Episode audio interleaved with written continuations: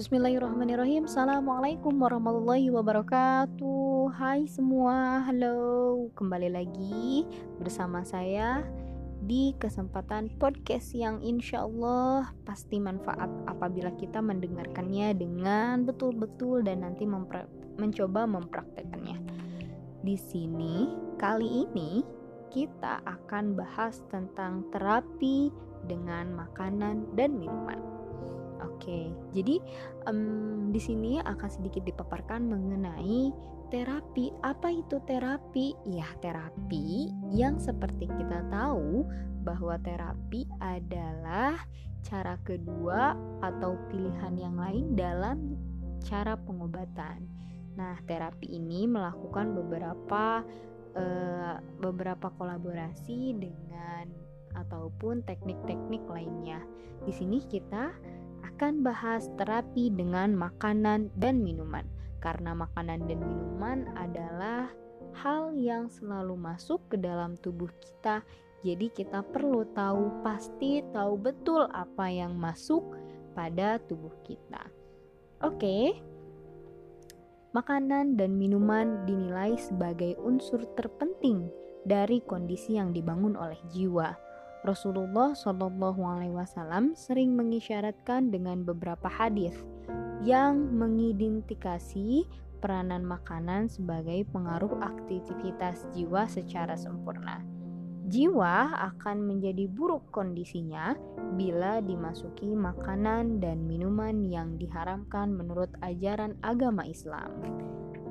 Nabi Shallallahu Alaihi Wasallam mengisyaratkan dengan ucapan yang artinya, Barang siapa yang perutnya dimasuki setetes makanan yang haram, maka neraka lebih utama baginya. Dalam hadis lainnya, Rasulullah Shallallahu Alaihi Wasallam menyarankan untuk meminum susu dan madu. Dua jenis minuman tidak hanya berpengaruh kepada kesehatan fisik semata, melainkan juga ada pengaruhnya terhadap kondisi jiwa apalagi saat memperhatikan beberapa makanan yang sempat diisyaratkan oleh surat Al-Baqarah ayat 61 yang berbunyi A'udzu billahi minasyaitonir rajim Wa idh qultum ya Musa lan nasbiru ala ta'amin wahidin fad'u lana rabbaka yukhrij lana mimma tumbitul ardh mimma tumbitul ardu min baqliha wa kithaiha wa fumiha wa adasiha wa basaliha qala atastabdiluna alladhi huwa adna billadhi huwa khair ihbitu misran fa inna lakum ma sa'altum وضربت عليهم الذلة والمسكنة وباءوا بغضب من الله Dzalika bi annahum ka dzalika bi annahum kanu yakfuruna bi ayatillahi wa yaqtuluna wa yaqtuluna nan nabiyyina bi ghairil haqq. Dzalika bima asaw wa kanu ya'tadun. Yang artinya dan ingatlah ketika kamu berkata hai Musa kami tidak bisa sabar atau tahan dengan satu macam makanan saja. Sebab itu, mohonkanlah untuk kami kepada Tuhanmu agar Dia mengeluarkan bagi kami dari apa yang ditumbuhkan bumi, yaitu sayur-sayurnya, ketimunnya, bawang putihnya, kacang adasnya, dan bawang merahnya.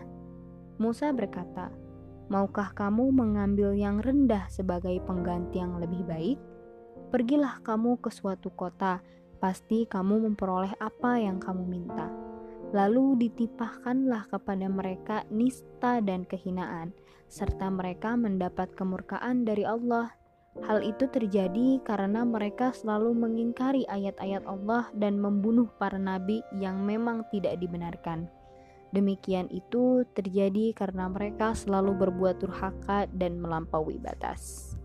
Quran Surat Al-Baqarah ayat 61 Kekil Kekeliruan dalam makan dan minum karena tidak paham tentang hukumnya termasuk pada tindakan yang dimaafkan atau mafru Akan tetapi, oh mohon maaf, ma'fu. Akan tetapi, bila mereka tahu tentang hukumnya, artinya mereka sendiri telah memiliki sikap pembangkangan terhadap hukum Tuhan. Inilah yang berpengaruh kepada kondisi jiwa, kecuali yang digolongkan pada rukhsah atau keringanan dalam menjalankan syariat. Ayat lainnya yakni pada surat Al-Baqarah ayat 57 yang berbunyi A'udzu billahi minasyaitonir rajim. Wa dhallalna 'alaikumul ghamama wa anzalna 'alaikumul manna wassalwa. Kulu min tayyibati ma razaqnakum wa ma zalamuna walakin kanu anfusahum yadhlimun yang artinya, "Dan kami naungi kamu dengan awan, dan kami turunkan kepadamu manna dan salwa. Makanlah dari makanan yang menyehatkan yang telah kami berikan kepadamu, dan tidaklah mereka menganiaya kami, akan tetapi merekalah yang menganiaya diri mereka sendiri." Surat Al-Baqarah ayat 57. Pada ayat ini diisyaratkan adanya kelompok unggas yang berdasarkan hasil penelitian para ahli bidang kesehatan. Sangat bermanfaat bagi perkembangan kecerdasan manusia. Untuk itulah, para sufi menyarankan saliknya untuk mengonsumsi unggas. Disinyalir akan dampaknya muncul kecerdasan spiritual juga, meskipun kalangan mereka belum sempat meneliti secara serius dalam rangka membantu kesehatan jiwa dan pemulihan kerjanya yang telah tidak sesuai dengan harapan, Islam memberikan haluan, bukan sekedar jenis makanannya yang dianggap memberi dampak, namun juga proses perolehannya.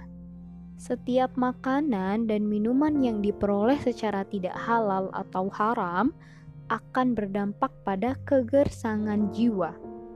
Rasulullah Shallallahu Rasulullah Shallallahu Alaihi Wasallam sempat amanat tentang proses memakan yang berdampak pada hukum haramnya yang berbunyi man man nabata luqmatna minal harami fal naru ulabi Barang siapa yang memakan sedikit dari yang haram, maka neraka lebih pantas untuknya.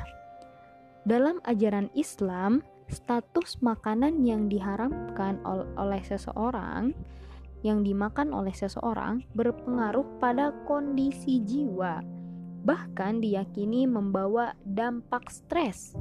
Sikap gundah, gelisah kerap kali dilanda atau dialami oleh mereka yang pernah memakan makanan tidak dalam jalan yang halal.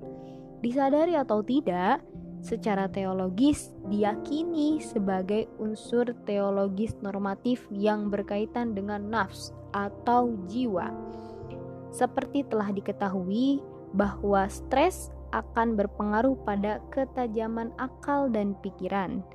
Stres yang berlebihan dapat merusak beberapa wilayah dalam otak, sehingga baik secara perlahan ataupun cepat akan mampu menghancurkan sel dan menghalangi penerimaan asupan bagi akal, merintangi penyimpanan-penyimpanan memori, serta menghambat informasi yang masuk ke dalam sel otak. Itulah sebabnya stres dalam jangka panjang akan, menim akan menumbuhkan atau menimbulkan dep depresi. Inilah yang disebut potensi alnar Hal serupa juga dibahas dalam surat Al-Lahab dan surat Al-Humazah. Nah, stres yang diakibatkan oleh masuknya makanan yang haram, baik secara proses perolehannya ataupun haram secara zatiyahnya, seperti babi, darah, dan sejenisnya, harus terlebih dahulu dilakukan taubat pada Allah Taubat merupakan bentuk penyesalan serta proses menumbuhkan niat baru untuk menjadikan hidup lebih baik lagi sesuai dengan kehendak Allah Subhanahu wa taala.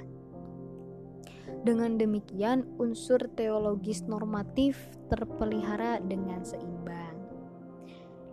Nah, beberapa pakar ilmu nafs atau ilmu jiwa dalam Islam memberikan beberapa solusi untuk mengatasi stres. Apalagi stres dini atau stres yang dialami lebih awal. Antara lain, yang pertama bisa menyediakan waktu untuk melakukan rihlah atau perjalanan spiritual dengan berbagai bentuk, mulai dengan rekreasi yang dapat memberikan penyegaran terhadap kondisi fisik hingga memberikan kenyamanan pada kondisi jiwa.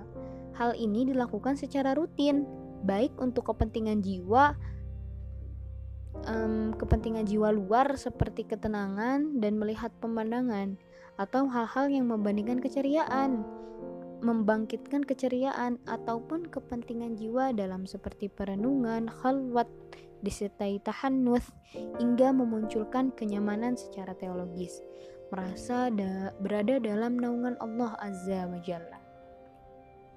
Kemudian yang kedua, seringnya mengunjungi orang-orang yang dipandang soleh, seperti ulama atau ahli ibadah. Dengan demikian, akan tersinergi oleh energi spiritual yang dibangun oleh ulama itu sendiri. Kunjungan ini harus dilakukan secara rutin untuk memperoleh nasihatnya. Yang ketiga, Bangunlah jiwa Anda dengan unsur seni, sehingga tumbuh sebuah nilai dalam jiwa yang berakibat kebiasaan menatap perasaan secara teratur. Nah, yang keempat, hindari kawan-kawan yang dapat menggiring kembali ke jalan yang jauh dengan ilahiyah.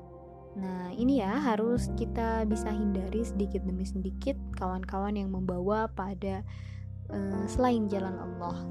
Kemudian yang terakhir, yang kelima, hindari musik yang mampu merubah kristal cairan tubuh yang menyebabkan kegersangan spiritual. Nah, kemudian makanan dan minuman haram secara kasbi atau perolehannya yang telah masuk ke dalam tubuh manusia secara biologis tidak banyak mempengaruhi sistem tubuh. Namun, dalam tinjauan spiritual berdampak pada kinerja nafs yang otomatis akan berpengaruh kepada gerakan tubuh yang melahirkan perilaku. Tubuh bias menjadi kekar dan kuat, namun jiwa tidak selalu berimbang dengan kekuatan tubuh.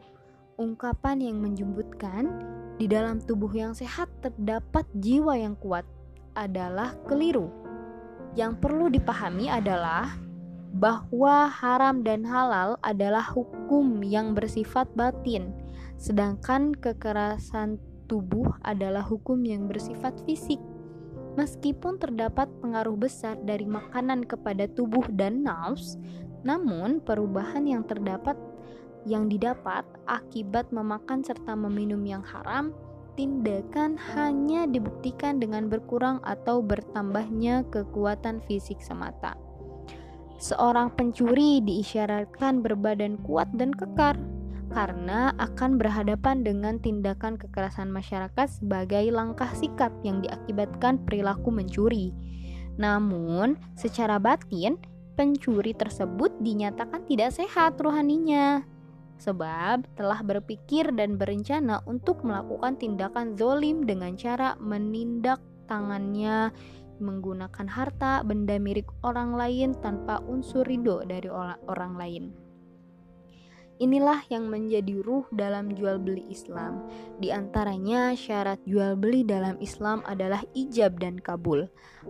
Nah, jadi teman-teman yang dimaksud dari inti semuanya ini adalah makanan dan minuman yang masuk pada tubuh kita secara um, fisik memang tidak akan terlalu signifikan terlihat. Namun, apabila kita bisa menjaga makanan dan minuman kita yang masuk dalam tubuh, itu akan sangat berpengaruh pada nafs atau jiwa. Gitu. Sesuatu yang baik akan menghasilkan yang baik pula. Maka pilihlah makanan minuman yang baik untuk fisik serta naf atau jiwa kita. Mungkin cukup sekian kesempatan kali ini. Next time kita ngobrol-ngobrol lagi di podcast selanjutnya. Akhir kata, Assalamualaikum warahmatullahi wabarakatuh.